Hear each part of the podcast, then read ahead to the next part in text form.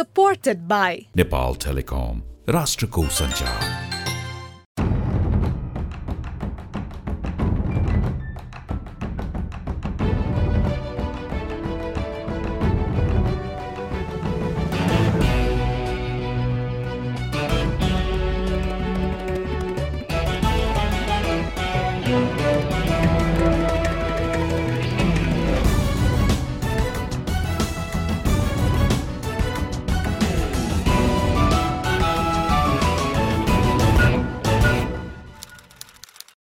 आदरणीय दर्शक तथा श्रोतावृन्द नमस्कार। कार्यक्रम टफ टकमा म दिलभूषण पाठक तपाईँ लगायत मेरा सबै सबै दर्शक तथा श्रोतालाई स्वागत गर्दछु।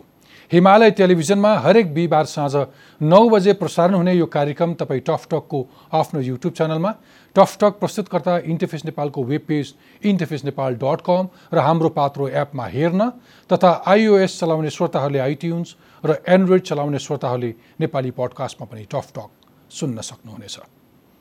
यो साता पच्चिस वर्ष अघिबाट चर्चा सुरु गरिएको पेट्रोलियम पाइपलाइनको परियोजना बल्ल पुरा भएको छ।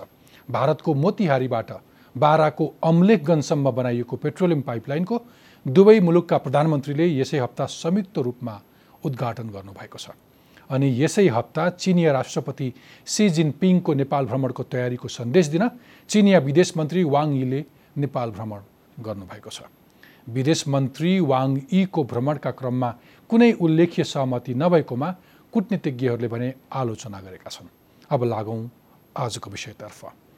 धेरैले बिपी कोइरालालाई आदर्श पुरुष मान्छन्। अझ काङ्ग्रेसी नेता कार्यकर्ताहरू त महामानव नै। त्यसैले हरेक वर्ष बिपी कोइरालाको जन्म जयन्तीको आसपास उहाँको समाजवादी विचारको औधी चर्चा गरिन्छ। तर बिपीले अघि सारेको विचारअनुसार सही ढङ्गले न त कङ्ग्रेस हिँडेको छ न त तिनका नेताले नै उहाँको आदर्शलाई अवलम्बन गरेका छन्। यस वर्ष पनि भदौ चौबिस गते बिपीलाई सम्झँदै राष्ट्रिय जागरण अभियानको नाममा वृक्षरोपणको कर्मकाण्डी पुरा गरियो। तर बिपीले हुर्काउन खोजेको समाजवादी विचारलाई स्वयं काङ्ग्रेसका नेता तथा कार्यकर्ताहरूले आत्मसात गर्न सकेका छैनन्। सत्तरी वर्षदेखि काङ्ग्रेस राजनीतिको केन्द्रमा छ। ठुला राजनीतिक परिवर्तनको नेतृत्व पनि यसै पार्टीले गर्यो तर पछिल्लो समयक्रममा काङ्ग्रेस आफ्नै पार्टीभित्रको किचलोभन्दा माथि उठ्न सकेको छैन जसको परिणाम अहिले निरीय प्रतिपक्षीका रूपमा छ। गुटबन्दीले यसरी थलिएको छ कि बिपीका आदर्शमाथि भाषण छाड्ने नेताहरू मञ्चबाट बाहिरिने बित्तिकै आफ्नो गुटबन्दीको हिसाब किताबमा लाग्छन्। फागुनमा हुनुपर्ने चौधौँ महाधिवेशन अर्को वर्षका लागि सारिएको छ। काङ्ग्रेस कहाँ छ र यति ठुलो ऐतिहासिक पार्टी किन आन्तरिक किचलोमै रुमल्लिरहेको छ? बिपी कोइरालाको विचारको सार के थियो? काङ्ग्रेसले किन बिपीको विचार अङ्गीकार गर्न सकेन? धर्मनिरपेक्षताको सवालमा काङ्ग्रेस युटर्न गर्न खोज्दैछ। आफ्नै नेतृत्वमा जारी भएको संविधानका मुख्य विषयहरूमा काङ्ग्रेसकै नेताहरूबाट अहिले किन प्रश्न गरिँदैछ? र यिनै प्रश्नहरूको जवाब खोज्न आज मसँग हुनुहुन्छ नेपाली कङ्ग्रेसका नेता डाक्टर शेखर कोइराला। कोइराला परिवारको विरासत थाम्ने योजना बनाएर आउँदो महाधिवेशनको तयारीमा लागिरहनुभएका कोइराला बिपी कोइराला पूर्व पार्टी सभापति तथा पूर्व प्रधानमन्त्री गिरिजा प्रसाद कोइरालाका भतिजा समेत हुनुहुन्छ। आउनुहोस् स्वागत गरौँ आजका मेरा अतिथि कङ्ग्रेसका नेता डाक्टर शेखर कोइरालालाई। शेखरजी टकटकमा स्वागत छ। हस् त धन्यवाद। आराम हुनुहुन्छ? एकदम आराम। केमा व्यस्त हुनुहुन्छ आजकल? पार्टीको काममा साथीभाइहरूसित भेटघाट। बिपी कोइरालाको जन्म सप्ताह चलिरहेको छ। तपाईँ उहाँकै परिवारको एकजना महत्त्वपूर्ण सदस्य। कसरी सम्झनुहुन्छ बिपी कोइरालाजीलाई? नेपाली कङ्ग्रेसले सम्झिने भन्दा पनि अब त नेपाली जनता सबैले सम्झिरहेका छन् उहाँलाई। विभिन्न राजनीतिक दलले सम्झिरहेका छन्। उहाँ एउटा बहुआयामिक व्यक्तित्वको धनी व्यक्ति र राजनीतिमा उहाँले खेलेको भूमिका पहिले त मिसअन्डरस्टुड हुनुभएको जस्तो देखिन्थ्यो। राजनीतिक विभिन्न राजनीतिक दलका मानिसहरूले भन्दाखेरि। तर अहिले आएर उहाँको महत्त्व उहाँले राखेका विचारहरू झन् बढी सान्दर्भिक भएर गएको छ अहिले। त्यसलाई हामीले कति अवलम्बन गर्न सक्यौँ? म क्रमैसँग आउँछु। बिपी सम्झिने बित्तिकै एउटा नेपाली कङ्ग्रेस बनाउनु भयो एउटा सङ्गठन बनाउनु भयो त्यसलाई हुर्काउनु भयो। कठोर सङ्घर्ष गर्नु पऱ्यो उहाँ स्वयंले। जीवनको अन्त्यतिर बिपीले तपाईँ परिवारका सदस्यहरूलाई कसरी बुझाउनुहुन्थ्यो पार्टी राजनीति अथवा समाजको बारेमा के भन्नुहुन्थ्यो? होइन उहाँको त हामीहरूलाई जहिले पनि एउटा कुरा भन्नुहुन्थ्यो जे गर तिमीहरू। पर्फेक्ट हो नम्बर वान र असल मान्छे बन भन्ने उहाँको ऊ थियो। जहिले पनि जसलाई पनि अरूलाई पनि। अब वास्तवमा तपाईँको परिवारलाई त उहाँले धेरै समय दिन सक्ने अवस्था पनि थिएन। जेलैमा बित्नुभयो या प्रवास बित्नुभयो। बस्नुभयो बित्नु भएन भने बस्नुभयो होइन? र हामीहरूले चिनेको बिपीलाई चाहिँ नि यही जेलमा त अब हामीलाई त भेट्न दिएन। म त भतिजा भएँ उहाँको। उहुँ, भतिजाहरूलाई पनि भेट्न दिँदैन थियो जेलमा त्यो बेला। तपाईँको प्रवासमा हामीले अलिअलि कुराकानी गर्ने भेटघाट गर्ने। त्यसपछि उहाँ जब अन्तिमतिर प्रवासबाट नेपाल फर्किनुभयो त्यसपछि अलिकति उहाँसित सम्पर्क भेटघाट कुराकानी। पार्टीका बारेमा समाजका बारेमा केही सन्देश परिवारका सदस्यहरूलाई कसरी सेयर गर्नुहुन्थ्यो केही? होइन पार्टीको बारेमा चाहिँ के भन्नुहुन्थ्यो भने अन्तिम अवस्थातिर होइन अन्तिम अवस्थातिर उहाँको बडा मार्मिक ऊ थियो। त्यो के भन्नुहुन्थ्यो भने अब बिस्तारै पार्टी पार्टी रहन्छ कि रहँदैन? सुकिला मिकिलाहरूको हातमा जान्छ कि भनेर उहाँले लेख्नु पनि भएको छ यो आफ्नो उसमा। त्यस्तो कुराहरू उहाँले धेरै जोड दिनुभयो यस्ता कुराहरूलाई। र समाजमा विकृति विसङ्गतिहरू बढ्दैछ। त्यो विकृति विसङ्गतिहरूलाई हामीहरूले खास गरिकन नेपाली वंशका साथीहरूलाई लेख्नुभएको त्यो चाहिँ नि कन्ट्रोल तिमीहरूले गर्नुपर्छ भन्ने कुराहरूमा जोड दिनुहुन्थ्यो उहाँले। पछिल्लो समय चाहिँ उहाँका भाइ गिरिजा प्रसाद कोइरालाको पनि महत्त्वपूर्ण योगदान रह्यो नेपालको राजनीतिमा। पछिल्ला आन्दोलनहरूमा। उहाँले के भन्नुहुन्थ्यो? पछिल्लो समय पछिल्लो पटक तपाईँलाई गिरिजा बाबुले भनेको केही सम्झिनुहुन्छ? पछिल्लो पटक माने गिर्जाबाबुको अन्तिमतिर अन्तिम? अवस्थामा। अच्छा। उहाँले त हामीहरूलाई सहमति सहकार्य र एकता पार्टीभित्र। किनभने पार्टीभित्र पनि गुटहरू धेरै भइसकेका थियो। होइन गुटबन्दी थियो पार्टी फुटेको थियो भर्खर पार्टी जोड्नु भएको थियो उहाँले। त सहमति सहकार्य र एकताबाटै अगाडि जानुपर्छ। त्यो सहमति सहकार्य र एकता पहिले पार्टीभित्र गर अनि त्यसपछि अरू पार्टीहरूसित पनि गरेर हामी अगाडि जानुपर्छ नत्र भए देश बचाउन गाह्रो हुन्छ भन्ने उहाँको थियो। अहिले कहीँ कहीँ त्यसबेला बिपी बाबुले भनेको अनि गिरिजा बाबुले भनेको कुराहरू अहिलेको पोलिटिक्समा रिलेट गर्न सकिन्छ जस्तो बैसठी त्रिसठी सालको आन्दोलनमा उहाँले गणतन्त्र अथवा धर्मनिरपेक्षता लगायतका विषयमा त्यत्रो ठुलो अडान राख्नुभयो। होइन? मुलुकलाई अब विकास र समृद्धिको बाटोमा लानलाई अरू कुनै विकल्प छैन भनेर तपाईँहरू सबै सहमत हुनुभयो। तर अहिले आएर तपाईँहरूको पार्टी नेपाली कङ्ग्रेस त्यही कुरा उल्ट्याउन खोज्दैछ भनेर मैले भन्नु होइन गणतन्त्रलाई पनि उल्टाउन खोजे होइन धर्मनिरपेक्षतालाई पनि उल्टाउन खोजे होइन होइन? यो अलिकति मिस इन्टरप्रिटेसन अर्थ चाहिँ उल्टाको हो। होइन मानिसहरूलाई फिल भइरहेको छ। के हुँदो रहेछ भने तपाईँको गणतन्त्र त उल्टाउन त हामीहरूले होइन कि? प्रति हामी त प्रतिपक्षमा छौँ। वास्तवमा मलाई सोध्नु छ भने गणतन्त्र त सरकारले नै उल्टाउन खोजेको जस्तो देखिन्छ। कसरी? तपाईँको प्रधानमन्त्रीजी स्वास्थ्य उपचारको निम्ति सिङ्गापुर जानुभन्दा दुई दिन पहिले उहाँले सर्वदलीय बैठक बोलाउनु भयो होइन? त्यो सर्वदलीय बैठकमा उहाँले के भन्नु गणतन्त्र खतरामा छ र सङ्घीयता खतरामा छ। धर्मनिरपेक्षको कुरा गर्नु भएन उहाँले। गणतन्त्र र सङ्घीयता खतरामा छ र त्यो खतरा चाहिँ नै राजाबाट खतरा छ र त्यो खतरा विप्लव माओवादीबाट खतरा छ।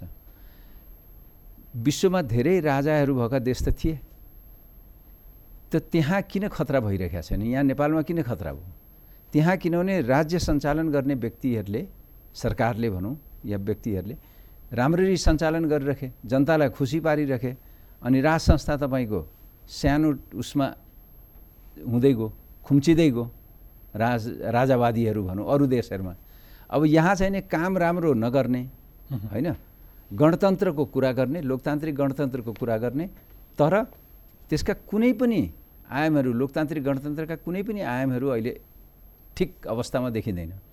त गणतन्त्र त उहाँले नै माने यो सरकारले नै गर्दैछ कि भन्ने चिन्ता लागेको? कतै उहाँले नेपाली कङ्ग्रेसको गतिविधि अथवा यहाँको पार्टीको केन्द्रीय समितिमा सदस्य साथीहरूले उठाउने गरेको प्रश्न अथवा तपाईँका पार्टीका महामन्त्री स्वयंले धर्मनिरपेक्षताका बारेमा व्यक्त गर्नुहुने विचारहरूको कारणले उहाँहरू सशङ्कित हुनुभएको मलाई? लाग्दैन त्यो।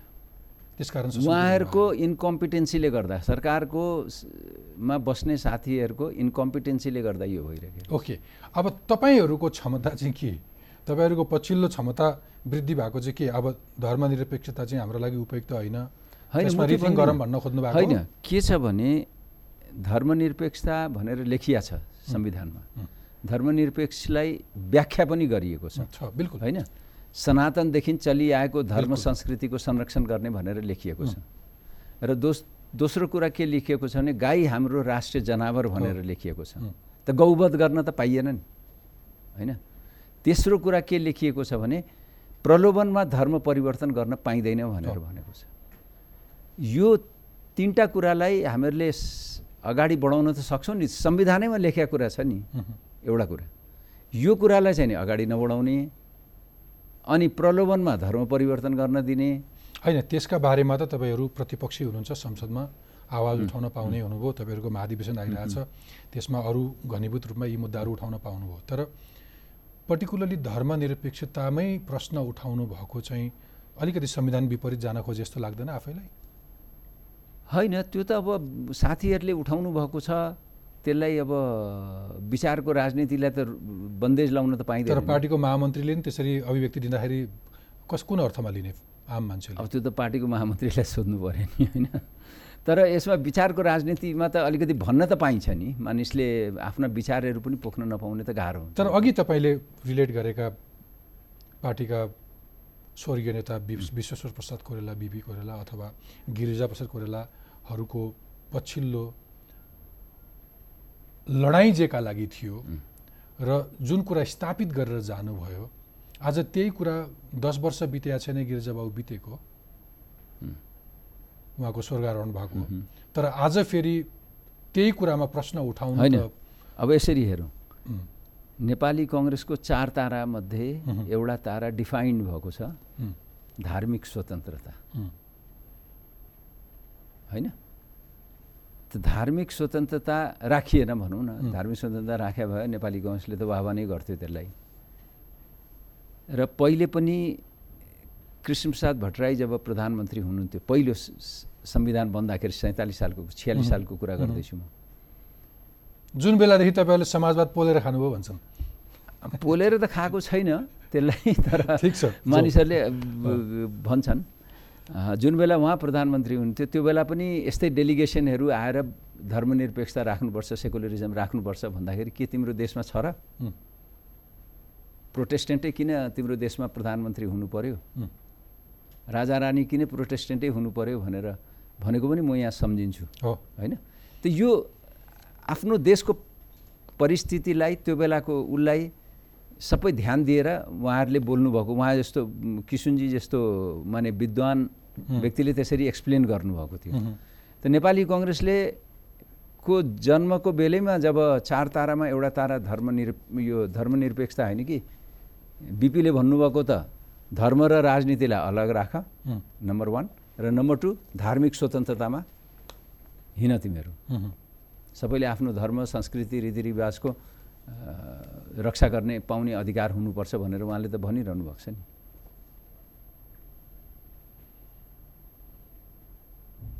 के हुन्छ अब तपाईँहरूको मुभ के ठ्याक्कै? अब यसमा हेर्नुहोस् अस्तिको महासमितिमा अलमोस्ट फिफ्टी पर्सेन्टभन्दा अलिकति स्लाइटली बेसी नै भनौँ न। महासमिति सदस्यहरूले सिग्नेचर क्याम्पेनिङ गर्नुभयो। अब यसरी हामीहरूको चार हजार पाँच सय डेलिगेट्सहरू हुन्छन् महाधिवेशन प्रतिनिधिहरू। यसमा कसरी जान्छ भन्दाखेरि यही रवैया अगा अगाडि गयो देश अगाडि यसै गरी बढ्यो नेताहरूले सुनेनन् भन्ने चाहिँ नै मैले अस्ति सेन्ट्रल कमिटीमा पनि राखेँ। यो विषयमा धेरै छिटो अब हामीहरूले सम्झौँ कुरा गरौँ साथीहरूसित। होइन? यो विषयमा र कुरा गरेर हामीहरू अगाडि बढौँ। नत्र भए यसले ठुलो रूप लिन थाल्यो भने अप्ठ्यारो पर्छ नेपाली कङ्ग्रेसलाई भनेर त मैले त सेन्ट्रल कमिटीमा भनेको छु। कतै तपाईँहरू फेरि कुनै एउटा गलत बिउ त रोप्दै हुनुहुन्छ जस्तो पनि छ होला नि मनमा त्रास। यो धर्मको प्रसङ्ग होइन म त धर्म र राजनीतिलाई अलग रु उसमा हेर्नुपर्छ। धर्म मानिसको संस्कृति रीतिरिवाजको कुरा भयो संस्कारको कुरा भयो होइन? संस्कृतिको कुरा भयो। अब राजनीति अर्कै कुरा भयो। धर्म र राजनीतिलाई बेग्लै च्याप्टरबाट हेरेन भने देश त बर्बादीतिर जान्छ। ओके ठिक छ। म फेरि बिपीकै प्रसङ्गमा आउँछु। बिपी सप्ताह चलिरहेछ उहाँको जयन्ती चलिरहेछ। अक्सर हरेक वर्ष जब बिपी जयन्ती आउँछ अनि उहाँको समाजवादीको विचारको बारेमा खुब चर्चा हुन्छ केही थान बिरुवाहरू रोपिन्छ अनि उहाँलाई यसो सम्झे जस्तो गरिन्छ त्यसको भोलिपल्टदेखि फेरि बिर्सिन्छ। बिपी छैनन् तिनका लागि। कङ्ग्रेसले कति छ वास्तवमा बिपीको समाजवादी विचार? आजको दिनमा कङ्ग्रेस भनेको आजको समूहले। आजको स हेर्नुहोस् अब के छ भने अहिलेको नेपाली कङ्ग्रेसको समूह हेर्नुभयो भने छ्यालिस साल पछिको समूह भन्नुहोस् होइन? अब बासठी त्रिसठीको आन्दोलन पछिको अ, समूह एउटा नयाँ समूह अब आउँदैछ होइन? जो भोटर भएर आउँछ। उनीहरूले वास्तवमा बिपीलाई चिनेको छैन। त्यो पुस्तकमा अलिअलि पढे होइन? त्यति मात्रै हो। कति पढाएछन् त्यो पनि थाहा छैन बिपीको बारेमा। तर बिपीलाई हामीले बिर्सिएको भनेर त म भन्दिनँ। तर अब वास्तवमा हामीहरूले हिजो पनि मैले एक ठाउँमा भने अब हामीहरूले रिसर्चै गर्नुपर्ने आवश्यकता मैले देखेको छु। बिपीले भनेका राष्ट्रियताका बारेमा प्रजातन्त्रको बारेमा लोकतन्त्र भनौँ अहिले होइन? लोकतन्त्रको बारेमा समाजवादका बारेमा बिपीले जुन कुराहरू राख्नुभएको छ त्यो कुराहरूमा अब हामीहरूले एक त समाजवादको पनि रिडिफाइन गर्नुपर्ने छ। बिपीले जुन बेला भन्नुभयो समाजवादको कुराहरू गर्नुभयो त्यो बेला र अहिलेको परिस्थिति विश्वको परिस्थिति इज कम्प्लिटली डिफ्रेन्ट त्यो बेला कोल्ड वार थियो। अहिले तपाईँको फेरि कोल्ड वारतिर त जाँदैछ विश्व त्यो आफ्नो ठाउँमा छ। तर अहिले चाहिँ नै तपाईँको अलिकति अर्कै उसमा छ नि त कोल्ड वार त छैन अहिले। त्यसले गर्दाखेरि र विश बिपीले भन्नुभएको समाजवादलाई अलिकति शिक्षामा स्वास्थ्यमा सामाजिक सुरक्षाहरूमा कसरी हामीहरूले लग्न सक्छौँ? त्यो कुरालाई हामीहरू अगाडि जानुपर्छ। जस्तो बिपीले सुरुमा के भन्नुभयो राज्यले नै सञ्चालन गर्नुपर्छ भन्ने पनि भन्नुभयो समाजवादको व्याख्या गर्दाखेरि मार्क्सिजमको कुरा गर्नुभयो उहाँले होइन? तर आजको दिनमा चाहिँ पार्टीभित्रका तपाईँहरूका वरिष्ठ नेताहरूमै पनि स्पष्टता छैन होइन? बिबीले के भन्नुहुन्थ्यो अथवा हामी के गर्ने भन्नेमा? मैले भन्न त मिल्दैन त्यो कुरा कसरी भनौँ होइन? उहाँहरू धेरै सिनियर साथीहरू हुनुहुन्छ। अब यति सिनियर हुनुहुन्छ कि उहाँहरूको बारेमा कमेन्ट हामीहरूले गर्न तर मिल्दैन यहाँ आइसकेपछि अन्तर्गत दिन आइसकेपछि टकटकको पनि त इज्जत राख्नु पर्यो। होइन मैले भनिहालेँ नि मैले भन्न मिल्दैन भनेपछि त बुझिहालेँ अथवा यसो भन्दा पनि हुन्छ नि मलाई एउटा सानो दृष्टान्त मात्रै। यो अस्ति बिपी जयन्तीका दिन युवा नेता केन्द्रीय सदस्य प्रदीप पौडेलले के भन्नुभयो भने बिपीको क्रान्तिकारितालाई पार्टीले स्वीकार्न सकेन भन्नुभयो। अर्का बिपीमाथि नै चिन्तन गर्ने नेता प्रदीप गिरी भन्नुहुन्छ सरकारले बिपीको बाटो हिँड्नु पर्यो भन्नुहुन्छ। अर्का नेता एनपी साउदको भनाइ थियो कि बिपीको बाटोमा हिँडे मात्र पनि काङ्ग्रेसलाई पुग्छ भनेर। काङ्ग्रेसका नेता आफै भन्छन् स्वयं कङ्ग्रेस बिपीको बाटो हिँड्दैन। स्वयं तपाईँले भन्नुभयो। भन्न अप्ठ्यारो मान- मान्नुभयो कि कङ्ग्रेस आफैले बिपीलाई बिर्सिरहेछ। बिपीमाथि चिन्तन राख्ने अर्का कङ्ग्रेसका। नेता भन्छन् सरकारले बिपीको बाटो हिँड्नु म के भन्दैछु भने बिपीलाई हामीहरूले बिर्सिया होइन। त्यसैले त मैले भनेको रिसर्च अब गरिकन त्यो रिस बिपीले भनेका कुराहरूलाई मा रिसर्च गरिकन त्यो बाटोमा अब हिँड्न थाल्नु पऱ्यो अनि मात्रै हामी वास्तवमा त्यो वर्षमा एकचोटि उहाँको जन्म जयन्ती मनाएर गरेर मात्रै पुग्दैन अब। परिणाम त त्यही हो नि होइन? तपाईँहरूले बिपीको बाटो ठिक थियो भनेर कसैले भने पनि व्यवहार रूपमा व्यवहारिक रूपमा कोही पनि हिँडेनन्। अनि तपाईँहरूले भन्ने गरेको विश्वबाट कम्युनिस्टहरू लोप भए लोप भयो भनेर तपाईँहरूले जसरी भाषण लगाउनुहुन्थ्यो आजको दिन तपाईँ प्रतिपक्षमा हुनुहुन्छ यत्रो सानो सङ्ख्यामा अनि त्यही कम्युनिस्ट चाहिँ बहुमतको सरकार लिएर देश चलाइरहेछ होइन?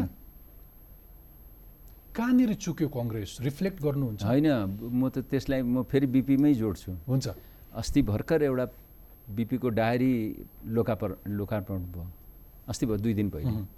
त्यसमा उहाँले एउटा कुरा के लेख्नु भएको छ भने अब नौ सालमा लेख्नुभएको उहाँले दुई लाइन छ।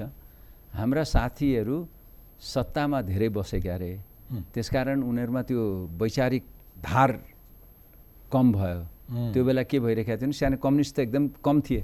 कम्युनिस्टहरू र गोर्खा दलले दुःख दिइरहेका रहेछन् बिल्कुल। उहाँहरूलाई। त्यो बेला भन्नुभएको अहिले हामीहरू सत्तामा धेरै वर्ष बस्यौँ। त हामीहरूको यो वैचारिक धार चाहिँ नि जिरो भएको जस्तो देख्छु म त भुत्ते भयो खुकुरी भुत्ते भयो भनेर भन्छु म त जहिले पनि। कोइराला परिवारको सदस्य हुनुहुन्छ।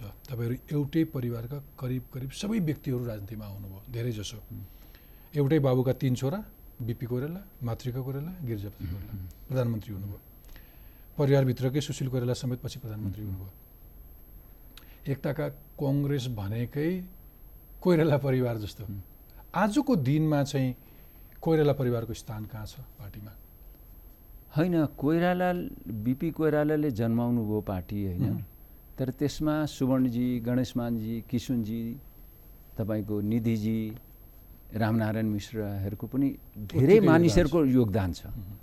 खालि उहाँहरू मात्रै माने कोइराला परिवारले मात्रै गरेको छैन त्यो परिवारका धेरै ले लाग्नुभयो यो पार्टीमा? लाग्नुभयो। त्यसकारण भयो नि त सबै मिलेर गरेको ठिक छ। आज चाहिँ ती कोइराला सदस्यहरूको हैसियत के छ पार्टीमा? पार्टीमा महामन्त्री नै हुनुहुन्छ नि हाम्रो त। भूमिका कति छ? भूमिका त महामन्त्रीले आफ्नो भूमिका आफै पद गर्ने हो नि त। नेपाली कङ्ग्रेसको त महामन्त्री भनेको त सङ्गठनको प्रमुख हो। गर्नु पऱ्यो नि त। त्यो त उहाँको जिम्मेवारी हो नि त। सभापतिज्यूले सबै कुरा बाइपास गर्नुहुन्छ भन्ने टिप्पणी पनि त्यो त किसुनजी र गिर्जाबु पनि किसुनजी प्रजा सभापति हुनुहुन्थ्यो गिरिजाप्रसाद कोइराला महामन्त्री हुनुहुन्थ्यो। ए कङ्ग्रेसको संस्कारै हो त्यसो भए। सभापतिले बाँकीलाई बाइपास गर्ने अरू होइन। हेरेर बाइपास त। गरेका थिएन। उहाँ गिर्जाउले खटेर सङ्गठन गरेर अगाडि बढ्नुभयो। उहाँ महामन्त्री हुनुहुन्थ्यो। गर्ने काम दिया छ नि त। नेपाली कङ्ग्रेसको विधानमा महामन्त्रीको धेरै ठुलो रोल छ। धेरै ठुलो रोल छ। सभापति त ओभरअल पार्टीलाई हेर्ने मात्रै हो नि। पार्टी आफू चाहिँ कति डेमोक्रेटिक छ कति क्वेसन गर्छ विधिको पार्टी। अहिले यतातिर हेर्दाखेरि मलाई के लाग्छ भने नेपाली कङ्ग्रेस डेमोक्रेटिक बनेर हिँड्न सकिरहेको छैन दोस्रो कुरा नेपाली कङ्ग्रेसको अहिले विधान बन्यो हाम्रो होइन नियमावलीमा मलाई चित्त नबुझेको जुन अहिले रुकेको पनि छ। त्यहाँ नियमावलीमा तपाईँको अनुशासनको च्याप्टरमा। नेतृत्वप्रति केही पनि बोल्न नपाउने भन्ने आशयको दिएको छ। यसले पार्टीलाई अनडेमोक्रेटिक बनाउँछ भन्ने मान्छु म। अहिले हामीहरू मिडिया काउन्सिल विधेयकको विरोध गर्दैछौँ। मानव अधिकार आयोग को जुन ऐन आउँदैछ विधेयक आउँदैछ त्यसको विरोध गर्दैछौँ होइन? तर पार्टीभित्र के डेमोक्रेटिक ऊ छ त? पहिले पहिले नेतृत्वमा पुग्नेहरूले एकका भरमा मान्छेलाई सिद्ध्याउँथे अब चाहिँ त्यसको विधि नै बनाएर अनुशासनको कारवाही भनेर लेखेरै ठिक गर्न त्यसले। बिगार्छ नि त पार्टी कम यसले देख्दाखेरि हो राम्रो हो भनेर भनिन्छ होइन तर पार्टीमा वैचारिक बहस बहस हुन सकेन भने अन्तर्क्रिया तपाईँ गर्नुहुन्छ त्यति नयाँ आइडियाजहरू। आउँछन् अब खालि सेन्ट्रल कमिटीमा बसेर डेढ महिना लगाएर सेन्ट्रल कमिटीको बैठक बसेर मात्रै त पार्टी चुस्त दुरुस्त हुने होइन नि पार्टीको अहिलेसम्म हेर्नुहोस् त साढे तिन वर्ष विभाग बनेको छैन। अब बनाएर के गर्ने? तपाईँको ऊ त आइसक्यो अधिवेशन। तर अघिल्ला सभापतिहरू हेऱ्यो भने जस्तो गिरिजाप्रसाद कोइरालाकै पालाको समयको स- सङ्गठन हेरेर आज शेरबहादुर देउवाको नेतृत्वको कङ्ग्रेस हेऱ्यो भने खास तात्विक अन्तर छ र एउटै खालको स्वभाव देखाउँछ। सबै सभापतिको एउटा कुरो। त्यसरी नहेरौँ। गिरिजाप्रसाद कोइराला चाहिँ चलैमान हुनुहुन्थ्यो। उहाँ माने हारे पनि जस्तो तपाईँको म एउटा सम्झाउँ दुई हजार एकाउन्न सालमा मध्यावधि भयो हार्यो नेपाली कङ्ग्रेस होइन? उहाँकै लिडरसिपमा हार्यो हो नि त। त्यसपछि उहाँ चलायमान हुनुभयो पार्टीलाई म एक डिक्का गरिकन लग्छु र बनाउँछु भनेर भन्नुभयो गर्नु पनि भयो। छप्पन्नमा चुनाव भयो नेपाली कङ्ग्रेस आयो होइन? दोस्रो पटक तपाईँको हामी त्रिसठी चौसठीको चुनावमा गिर्जाउ त बिरामी भइसक्नु भएको थियो तर हार्यौँ हामी एकदम अनि बुरी तरहले संविधान सभा पहिलो संविधान सभा बुरी तरहले हार्यौँ नि त होइन? हारिसकेपछि उहाँ अशक्त हुँदा हुँदै पनि। उहाँले त्यो अक्सिजन लिलिकन तपाईँले पब्लिक मिटिङ्सहरू एड्रेस गर्नुभएको छ त्यो बेला पनि। जुन बेला नेपाली कङ्ग्रेस एकदम कमजोर अवस्थामा थियो। अहिले त्यो अब अहिले त नेपाली कङ्ग्रेस कमजोर भनेर तपाईँको सशक्त यो सङ्ख्या अलिकति कम छ हाम्रो। मान्छु। पच्चिस बिस पर्सेन्ट बाइस पर्सेन्ट सङ्ख्या छ तेइस पर्सेन्ट। उसमा संसदमा। तर तेइस पर्सेन्ट नराम्रो सङ्ख्या होइन। इट्स अ भेरी गुड सङ्ख्या। हामीहरूले प्रतिपक्षको जुन भूमिका खेल्नुपर्ने हो त्यसमा हामी चुकिरहेका छौँ। त्यहाँ त म आउँछु नै। म त अहिले अहिले पार्टी एज सच सैद्धान्तिक रूपमा कहाँ कस्तो विचलन आयो। अहिलेका स्वयं काङ्ग्रेसीहरूले पार्टीको सिद्धान्त कति बुझिया छन् पार्टी कति डेमोक्रेटिक छ भनेर अलिकति रिफ्लेक्ट गर्न खोज्दैछौँ। सधैँ सत्तामा बसिरहेको त आम मान्छेले कङ्ग्रेसलाई भन्ने त सधैँ सत्ताको हालिमुहाली गर्ने भनेर भन्ने एउटा भनाइ छ। भलै कति आन्दोलनहरूको नेतृत्व पनि त्यही त्यही पार्टीले गर्यो। धेरै परिवर्तनहरूमा उसको महत्त्वपूर्ण भूमिका छ लिड नै लियो।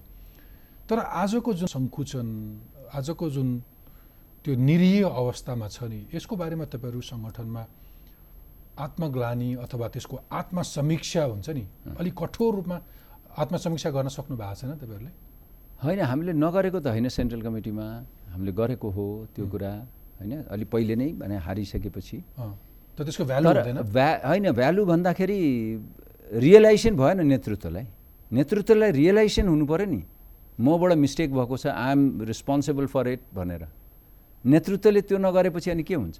त्यो नेतृत्व भनेको कसलाई भन्छ सभापतिलाई मात्रै भन्नु हुन्छ या अथवा पदाधिकारीहरू सभापति सबै सबै। सबै हुन्छ नि त त्यो त। नेतृत्व भनेको म as a central committee member म पनि रिस्पोन्सिबल हो ए भनेको तर- नेपाली कङ्ग्रेसको नेतृत्वले होइन तर त्यसको जिम्मेवारी कसले लिने? होल सेन्ट्रल कमिटीले लिने कि एउटा व्यक्तिले मैले भन्नु लिनु पऱ्यो नि त्यो रियलाइजेसन छैन। त्यो छैन। त्यो नभएपछि के हुन्छ भने त्यो स्वीकारोक्ति नभएपछि त उसले उसले उसले रिफ्लेक्ट गर्नै सक्दैन। रिफ्लेक्ट गर्न सक्दैन। त्यही भएको त्यही हो। रियलाइजेसन नभएपछि अनि कसरी हुन्छ? अनि त्यहाँबाट सुरु भयो। त्यसो भए कसरी एउटा डेमोक्रेटिक पार्टी भयो त नेपाली कङ्ग्रेस? जहाँ। विचारहरूले महत्त्व पाउँदैन। त्यही त होइन। अहिले त्यसैको त लडाइँ गर्दैछौँ हामी। त्यसैको त हामी अगाडि जाँदैछौँ बोल्दैछौँ। कुन कसरी आजको दिनमा चाहिँ कसरी चलिरहेछ नेपाली कङ्ग्रेस? होइन नेपाली कङ्ग्रेसमा माने छलफल हुन्छ। होइन जस्तो तपाईँको डेढ महिना लगाएर सेन्ट्रल कमिटी छलफल भयो। डेढ महिना। होइन? सबैले बोल्ने पाए। त्यो आफ्नो ठाउँमा छ। त्यसले केही अहिलेको राजनीतिक परिस्थितिको बारेमा पनि हामीले छलफलहरू गऱ्यौँ। राम्रै छलफलहरू भएको छ। तर जुन कुरा हुनुपर्ने हो पार्टीभित्र पार्टीभित्रको कुरा गर्दैछु म। भातृ संस्थाहरू लथालिङ्ग छ। होइन? तपाईँको समयमा कसैको हुँदैन, छैन समयमा। अधिवेशन हो। ए यस्ता कुराहरूले पार्टी चलायमान त तिनीहरूले गराउने हो नि सिस्टर अर्गनाइजेसनहरूले गराउने हो नि भातृ संस्थाहरूले गराउने हो नि। अनि भन्नुहुन्छ होला नि पार्टी सभापतिले अथवा पदाधिकारी होइन, यो कुरा त हामीले मात्रै गर्दैन सबैले गर्ने हो कलेक्टिभली तपाईँले के गर्नुभयो भनेर प्रश्न पनि गर्नुहुन्छ होला नि। गर्नुहुन्छ। तर गर्ने त उहाँहरूले हो नि। तर एट लार्ज हेर्दाखेरि त फेरि सबैको भूमिका त आउँछ होइन। होइन हाम्रो भूमिकै छैन भनेर त म कहाँ भनिरहेको छु? तर जो सिटमा बस्छ उसको भूमिका बेसी हुन्छ कि मेरो भूमिका बेसी हुन्छ? कुरा त त्यो हो नि। जिम्मेवारी लिनु पर्यो। आइएम रिस्पोन्सिबल भन्नु पर्यो। जे भयो अब हुँदैन म गर्दिनँ। गलत काम हुँदैन। त्यसो भए संसदमा निरीय उपस्थिति भएको त ठिकै रहेछ। पार्टीभित्रै त्यो नेतृत्वलाई दबाब दिन नसक्ने पार्टी रहेछ। पार्टीभित्रै अरू भाइब्रेन्ट मेम्बर्सहरू नभएको जस्तो देखियो नि होइन? नभए त उसले प्रेसर क्रिएट गर्न सक्थ्यो होला पार्टीमा। अनि पार्टी अरू भाइब्रेन्ट हुन्थ्यो। होइन, जस्तो अनि त्यो रिफ्लेक्ट हुन्थ्यो होला पार्लियामेन्टमा। पार्लियामेन्टमा किन कङ्ग्रेसको उपस्थिति राम्रो छैन? एउटा प्रतिपक्षीले आफ्नो किन धर्म निर्वाह गर्न सकेन किन यति विक हो म आउँदैछु त्यसमा पनि। किन भन्ने प्रश्नमा त स्वाभाविक जस्तो देखियो। पार्टीभित्रै त ऊ छलफल गर्न दुईवटा कुरा भयो पार्टीभित्र ग्रुपिजम छ। We all have to accept this हो। त्यो ग्रुपिजम राम्रो कुराको लागि छैन। पहिले पनि थियो बिपीको बालामा पनि ग्रुपिजमहरू थियो। बिपी गणेश मान्जी किसुनजी गिर्जा गिर्जाउ त गिर्जा जहिले पनि वहीँसित हुनुहुन्थ्यो होइन। उम्, गणेश मान्जी पनि बिपीसितै हुनुहुन्थ्यो। तर बिपी किसुनजी र तपाईँको सुवर्णजीको बिचमा पनि थियो नि त। विचारको लडाइँ त हुन्थ्यो नि। विचारमै बन्देज लगाइदिइसकेपछि अनि हुन्छ के? अहिले त फेरि पर्सनल लेभलमा यस्ता गुटहरू भयो कि त्यो यही बिपी जयन्ती नै सम्झियो भने पनि बिपीको आदर्श समाजवाद सिद्धान्तको बारेमा बडो मजाले भाषण गर्ने मञ्चबाट तल उत्रेपछि अनि आफ्नो गुटबन्दी सुरु भइहाल्ने। हो त्यो त्यही- त्यो खराब हो नि त। बिपीको टाइममा त बिपी जब प्रवासमा हुनुहुन्थ्यो उहाँ सशस्त्र क्रान्ति गर्छु भनेर आर्म्स कलेक्ट गर्न थाल्नु त्यसमा कङ्ग्रेस अब साह्रै धेरै आउटडेटेड भएछ भनेर भन्न सक्छु मैले। यो एउटा होइन, त्यो होइन। आज ऊ आफूलाई अपडेट नेपाली कङ्ग्रेस अहिले के छ भन्ने कुरा भन्दा पनि भोलि के हुन्छ भन्ने हामीहरू हेर्दैछौँ। भोलि हामी के गर्ने भनेर हेर्दैछौँ। चौधौँ महाधिवेशन जुन अब आउँदैछ त्यसमा हामी कन्सन्ट्रेट गर्दैछौँ। किनभने अब नेपाली कङ्ग्रेस यही तरिकाले जान सक्दैन। ओके जसरी जाँदैछ नेपाली कङ्ग्रेस यसरी अब नेपाली कङ्ग्रेस अगाडि बढ्यो भने नेपाली कङ्ग्रेस दे इरेलिभेन्ट भएर जान्छ। आजको दिन जसरी हामी बढ्दैछौँ। ओके त्यसकारण नयाँ ढङ्गले नयाँ विचार लिएर हामी अगाडि बढ्नुपर्ने छ। वैचारिक ऊ पनि हुन्छ माने प्रतिस्पर्धा पनि हुन्छ। तपाईँहरूको एउटा यस्तो पार्टी जुन पार्टीको महाधिवेशन भएको चार चार वर्ष पुग्दाखेरि पनि उसका भातृ सङ्गठनहरूले नेतृत्व पाउँदैन अथवा ती सङ्गठनहरूले पूर्णता पाउँदैन। पार्टी लथालिङ्ग छ चुनावको त्यस्तो पराजय। चिन्ता त्यही छ? हामीहरूलाई। अनि तपाईँले अघि भन्नुभएको जस्तै रियलाइजेसन केही पनि छैन। वाट नेक्स्ट भन्ने कुनै भिजन छैन आफ्नो एक्सन प्लान छैन। होइन हामीहरूलाई चिन्ता रेस्पोन्ड गर्छन्? होइन हामीहरूलाई चिन्ता यही विषयको छ। कार्यकर्ताहरूले यही कुरा जुन तपाईँले सोध्दै हुन्छ गाउँका म त योभन्दा पहिलेको फर्स्ट पहिलो जागरण अभियानमा एक महिना मलाई काभ्रे खटाएको थियो। म विभिन्न गाउँपालिकाहरूमा गएँ साथीभाइहरूसित भेटेँ त्यहीँ बसेँ पनि कुरा पनि गरेँ। भेट्दाखेरि उहाँहरूको तपाईँहरू पहिले जागृत हुनुहोस् तपाईँहरू के गर्न खोजिरहनु भएको छ? कसरी हामी यहाँ बाँचिरहेका छौँ? कहिले सोच्नु भएको छ भनेर उनीहरू हामीलाई प्रश्न गर्छन्। सही हो। किनभने अहिलेको जमाना त पहिलेको बिपीको टाइमको छैन नि। घरमा बसेर गएन भने थाहा नहुने। अहिले त तपाईँको सोसियल मिडियाबाट सबै कुरा थाहा हुन्छ। एब्सोल्युटली तपाईँ मैले तपाईँलाई भने यति एउटा ऐतिहासिक पार्टी भनेको छ तर एउटा इन्स्टिट्युसन जस्तो छैन। एउटा सामान्य तरकारी बेचेर गुजारा गर्ने एउटा परिवारको पनि प्लानिङ हुन्छ। उसको स्ट्राटेजिजहरू हुन्छ होला। एउटा सानो इन्स्टिट्युसन एउटा सानो अर्गनाइजेसनको एउटा सानो व्यापारको एउटा सानो क्लबको पनि एउटा एउटा इन्स्टिट्युसनको रूपमा फ फङ्सन गरिरहेको हुन्छ। कङ्ग्रेस हेर्दाखेरि त्यस्तो लाग्छ तपाईँलाई? त्यही त देखिँदैन त्यही गर्न खोजेको हो त। अब आउँछ त्यो हुन्छ। चौधौँ महाधिवेशनपछि नयाँ नेतृत्वले यङ्गर जेनेरेसनहरू आउँछन् पक्कै आउँछन्। त्यसमा ढुक्क हुनुहोस् तपाईँ। त्यसमा किनभने म आउँछु भन्दै हुन्छ म तपाईँको आउँछु। को आउँछ त्यो? आउँछु ठिक छ। म अब अलिकति तपाईँ संयोग अहिले तपाईँ आफै चाहिँ पार्लियामेन्टमा हुनुहुन्न। तर विपक्षीको भूमिका हेर्दाखेरि नेपाली कङ्ग्रेसले संसदमा खेलेको भूमिका हेर्दाखेरि चाहिँ तपाईँलाई म कङ्ग्रेसकै हुँ भन्न गर्व गर्न ठाउँ छ कि कहिले कहिले होइन। झन् नेपाली? कङ्ग्रेस सुरुको सात आठ महिना त नेपाली कङ्ग्रेस लस्टै देखिया थियो संसदमा होइन? यतातिर आएर नेपाली कङ्ग्रेसको भूमिका अलिकति ठिक भन्छु प्रखर भन्छु राम्रै गर्दैछ त्यसमा ऊ छैन। तर कहाँ बिग्रिँदो रहेछ त्यो पनि भनौँ म। दुई दिन पहिले तपाईँको यो पाँच सात दिनदेखि यो एनसेल प्रकरण आइरहेको छ नि त जुन सुप्रिम कोर्टले जुन डिसिजन गर्यो कर छलीको केसमा होइन त्यो मुद्दालाई लिएर कानुन समितिमा छलफल भइरहेको त्यसमा नेपाली कङ्ग्रेसका साथीहरूले पनि राख्नुभयो कुराहरू प्रति सत्तापक्षले पनि राख्नुभयो नेपाली कङ्ग्रेसका सांसदहरूले प्रतिपक्षका सांसदले पनि राख्नु अब उहाँलाई हिजो अस्ति हटाइयो त्यहाँबाट। त्यसले अलिकति मन कुडिन्छ। त्यसले के लाग्छ भने त्यो अल्टिमेट मोटिभ त केही नहोला तर टाइमिङ त ठिक भएन नि। ओके। अझ कङ्ग्रेसलाई अर्को एउटा आरोप के पनि लाग्छ भने विपक्षी भनेपछि उसको पनि संवैधानिक हैसियत हुन्छ होइन? संवैधानिक हैसियत भनेको केही संवैधानिक नियुक्तिहरूमा आफ्ना दुई चारजना मान्छे सेटिङ गर्न पाइन्छ भने बेकार किन चर्को कुरा गरेर नै पार्लियामेन्टमा भनेर पनि पछिल्लो पटक त सबै कालेहरू मिलेर भाले खान पल्किया छन् नि। राजनीति त त्यता पनि पनि जान खोज्छ म त्यसमा। विश्वास गर्दिनँ।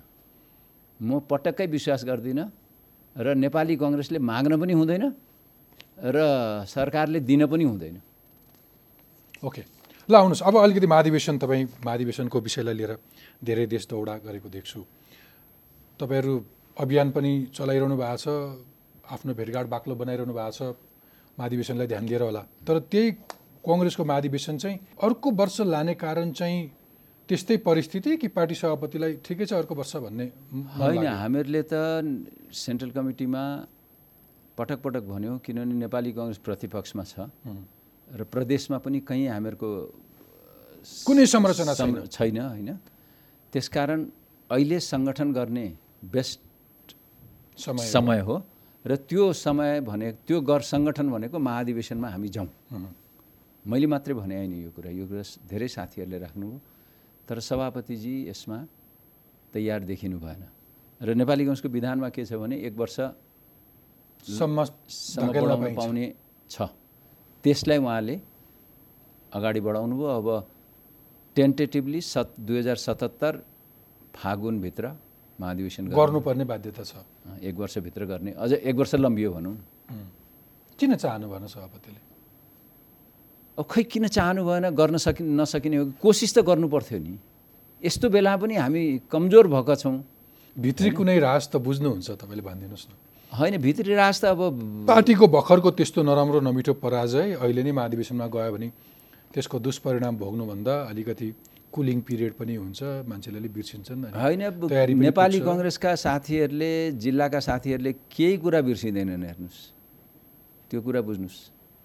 किनभने उनीहरू एकदमै यसचोटि मैले के देखेँ जिल्ला जिल्ला घुम्दाखेरि हारिसकेपछि माने म पनि हारेँ साथीहरू धेरै हार्नुभयो होइन। त्यो निर्वाचनपछि भनौँ न मैले के देखेँ भने उनीहरू निरुत्साहित छन् हतोत्साहित छन् र कम्युनिस्टहरूले अत्यन्त दुःख दिया छ उनीहरूलाई। त्यसकारण जिल्लाका साथीहरू इभन वार्डका साथीहरू पनि एकदम त्यो स्ट्रङ भित्रबाट स्ट्रङ विल भएर आएका छन्। कम्युनिस्टले दुःख त कसरी दिन्छ? दुःख भनेको त अथवा ऊ सत्ता पक्ष भयो उनले राज्यको दोहन गरेको देख्दाखेरि देख्न। नसके होला। होइन जस्तो तपाईँको नेपाली कङ्ग्रेसका साथी तपाईँको ओडामा छन् अध्यक्षै छन् होइन? त्यहाँ तपाईँको केही ऊ नदिने आफ्ना ग्रुपलाई दिने यस्ता धेरै कुराहरू रहेछन् चारैतिर भइरहेका छ यसले गर्दाखेरि उनीहरू पीडित देखिन्छन्। त्यो चाहिँ नि उनीहरूको रिफ्लेक्सन कहाँ हुन्छ भने नेपाली कङ्ग्रेसको महाधिवेशन भइदिएको भए नयाँ नेतृत्व आउँथ्यो। नयाँ नेतृत्वले अलिकति कम्युनिस्टसित पनि भिडेर लग्थ्यो भन्ने सोच उनीहरूमा। छ। अनि महाधिवेशनमा तपाईँ सभापतिको उठ्ने तयारीमा हुनुहुन्छ? अब हेरौँ साथीभाइहरूसित सरसल्लाह गर्दैछु के हुन्छ। ए देश दौडा त्यही हो। तपाईँ पछिल्लो पटक एकदम धेरै देश दौडिरहनु भएको छ। होइन म त दौडिरहेको छु अरूहरू पनि दौडिरहनु भएको छ नि त्यस्तो के छ र? म दौडिरहेको छु। अरू के केले दौडेपछि सोध्छु तपाईँ चाहिँ यो महाधिवेशनमा सभापतिको लागि लड्ने तयारीका साथ दौडिरहनु भएको छ? अब साथीभाइहरूले मलाई कसरी लिन्छन्? होइन किनभने मेरो चाहिँ के भनाइ छ भने यहाँ काठमाडौँमा बस्ने साथीहरूले सिनियर साथीहरूले भनेर मात्रै हुने होइन अहिले केही पनि। यसचोटिको महाधिवेशन नेपाली कङ्ग्रेसको लागि अत्यन्तै महत्त्वपूर्ण छ किनभने हामी प्रतिपक्षमा छौँ। र नेपाली कङ्ग्रेसका साथीहरू जो जिल्ला जिल्लामा छन् उनीहरू को अगाडि आउँदाखेरि नेपाली कङ्ग्रेसलाई बचाउन सक्छ भन्ने उनीहरू हेरिरहेका छन्। अब उनीहरूले हामीहरूलाई भन्छन् होइन तिमी उठ भनेर भन्छन् भने डेफिनेटली किन अनि कति सजिलो छ तपाईँको अहिलेको पार्टीमा त फेरि त्यहाँ स्थायी प्रतिस्पर्धी छन्। भनेको शेरबहादुर बाजी हुनुहुन्छ रामचन्द्र पौडेल हुनुहुन्छ दुईजना त स्थायी रूपमै हुनुहुन्छ। अब तपाईँले उठ्दै गर्दाखेरि छुट्टै समूह बनाएर अथवा तपाईँको योजना के छ? होइन एउटा त के बुझ्नु पऱ्यो भने राजनीतिमा प्रतिस्पर्धाबाटै अगाडि जाने हो। कसैले दिएर हुँदैन। तिमीलाई म दिइदिन्छु तिमी बन भनेर हुँदैन। साथीहरूलाई कार्यकर्ताहरूलाई खुसी पारेर खुसी भनेको तपाईँको उनीहरूलाई खुराक दिएर राजनीतिक खुराक दिएर विचार दिएर अगाडि लग्ने हो। त्यसकारण उहाँहरूले जुन कुराहरू सोचिरहनु भएको छ त्यो अहिले मलाई लाग्दैन कार्यकर्ताहरूले जिल्ला र गाउँमा सोचिरहेका छन्। त्यसबाहेक तपाईँ कङ्ग्रेसमा कोइरालाहरूको प्रभाव अलिकति कमजोर भयो भनेर तपाईँहरू पनि बेला बेलामा भेट्दै हुनुहुन्छ। तपाईँ सुजाता कोइरालाजी शशाङ्क होइन अरूसित पनि भेट्छौँ हामी कोइरालाहरू पनि भेट्छौँ होइन? हामी बस्छौँ पनि। पक्कै राजनीति गर्दैछौँ त भेटघाट हुन्छ नि। र कुरा पनि हुन्छ घराइसी कुराहरू पनि हुन्छ होइन? त्यो गर्छौँ हामी। के छ तपाईँको मुद्दा यो पटक? के विषयमा? महाधिवेशनमा सभापतिको रूपमा जाँदै गर्दाखेरि पार्टीलाई केही त्यस्तो भिजन पनि बनाउनु भएको छ? अहिले गर्दैछु म त्यसपछि म आउँछु। होइन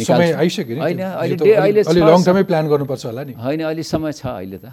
चौध महिना पन्ध्र महिना छ। अनि शशाङ्कजी पनि दावेदार हुनु होला नि? उहाँ पनि महामन्त्री। महामन्त्री हुनुहुन्छ पक्कै हुनु होला। होइन? तर अब अब मानिसहरूले साथीहरूले पनि यो पनि हेर्छन् कसले दिन सक्छ? डेलिभर कसले गर्न सक्छ? र कम्युनिस्टसित को लड्न सक्छ भिड्न सक्छ भन्ने कुरा इम्पोर्टेन्ट हुन्छ अब। ओके देउबा र रामचन्द्र पौडेलजीको त एउटा स्थायी खालको समूह छ नि पार्टीभित्र। त्यो समूहसँग जोडिने कुनै सम्भावना हुन्छ अथवा तपाईँहरू छुट्टै होइन। कस्तो के छ नेपाली कङ्ग्रेसभित्र हामी सबै साथीहरू हो होइन? रामजनजी शेरबाजी सबै त साथी हो नि। त त्यो त फ्रेन्डली कन्टेक्स्ट हुने कन्टेस्ट हुने हो नि। यसमा कुनै त्यस्तो एकदम भिडन्त हुने त होइन हामीहरूको।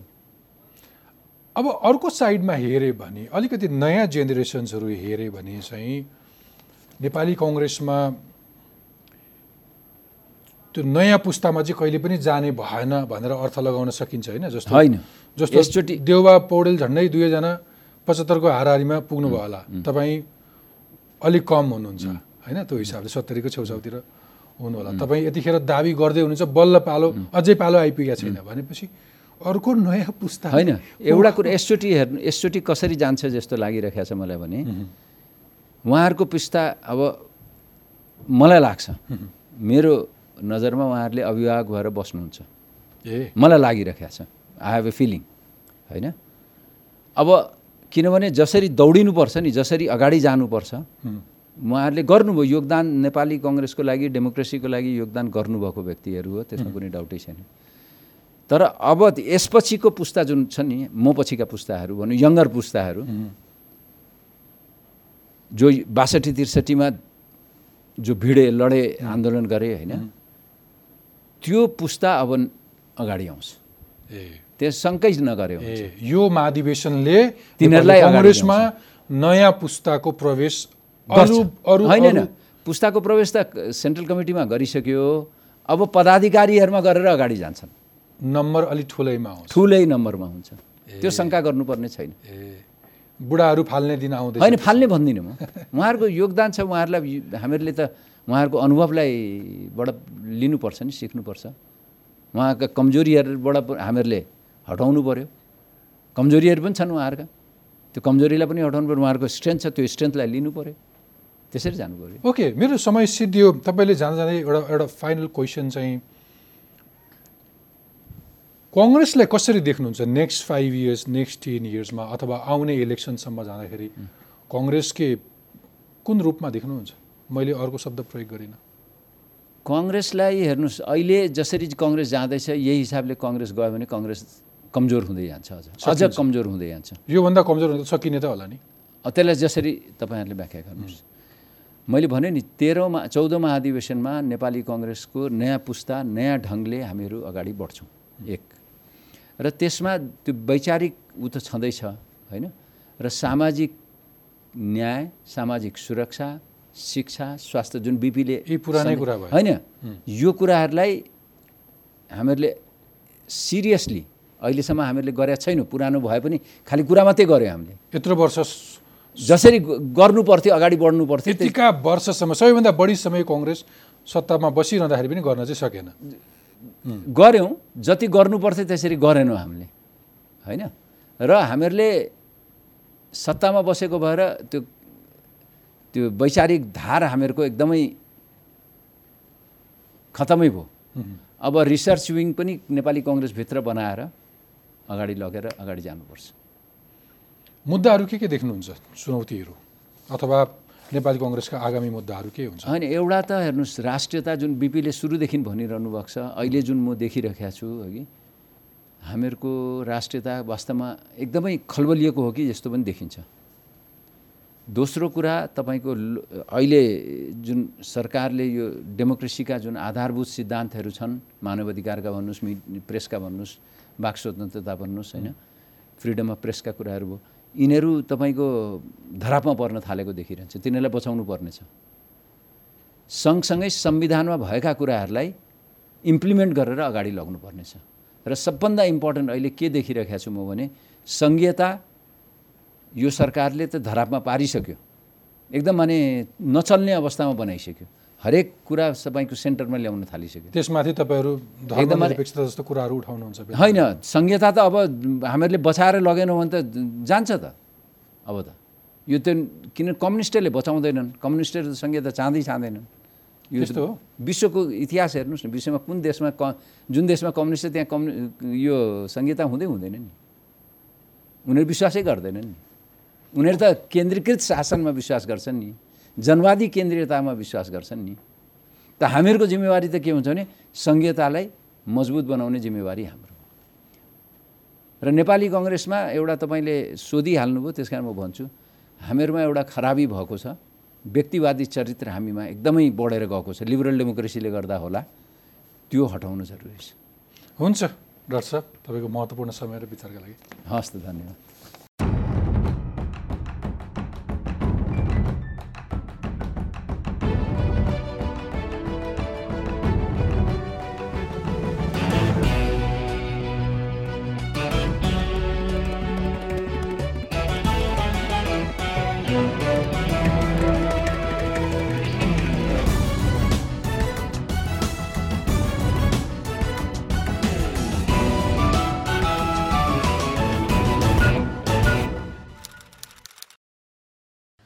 supported by Nepal Telecom, Rashtraku Sanchar.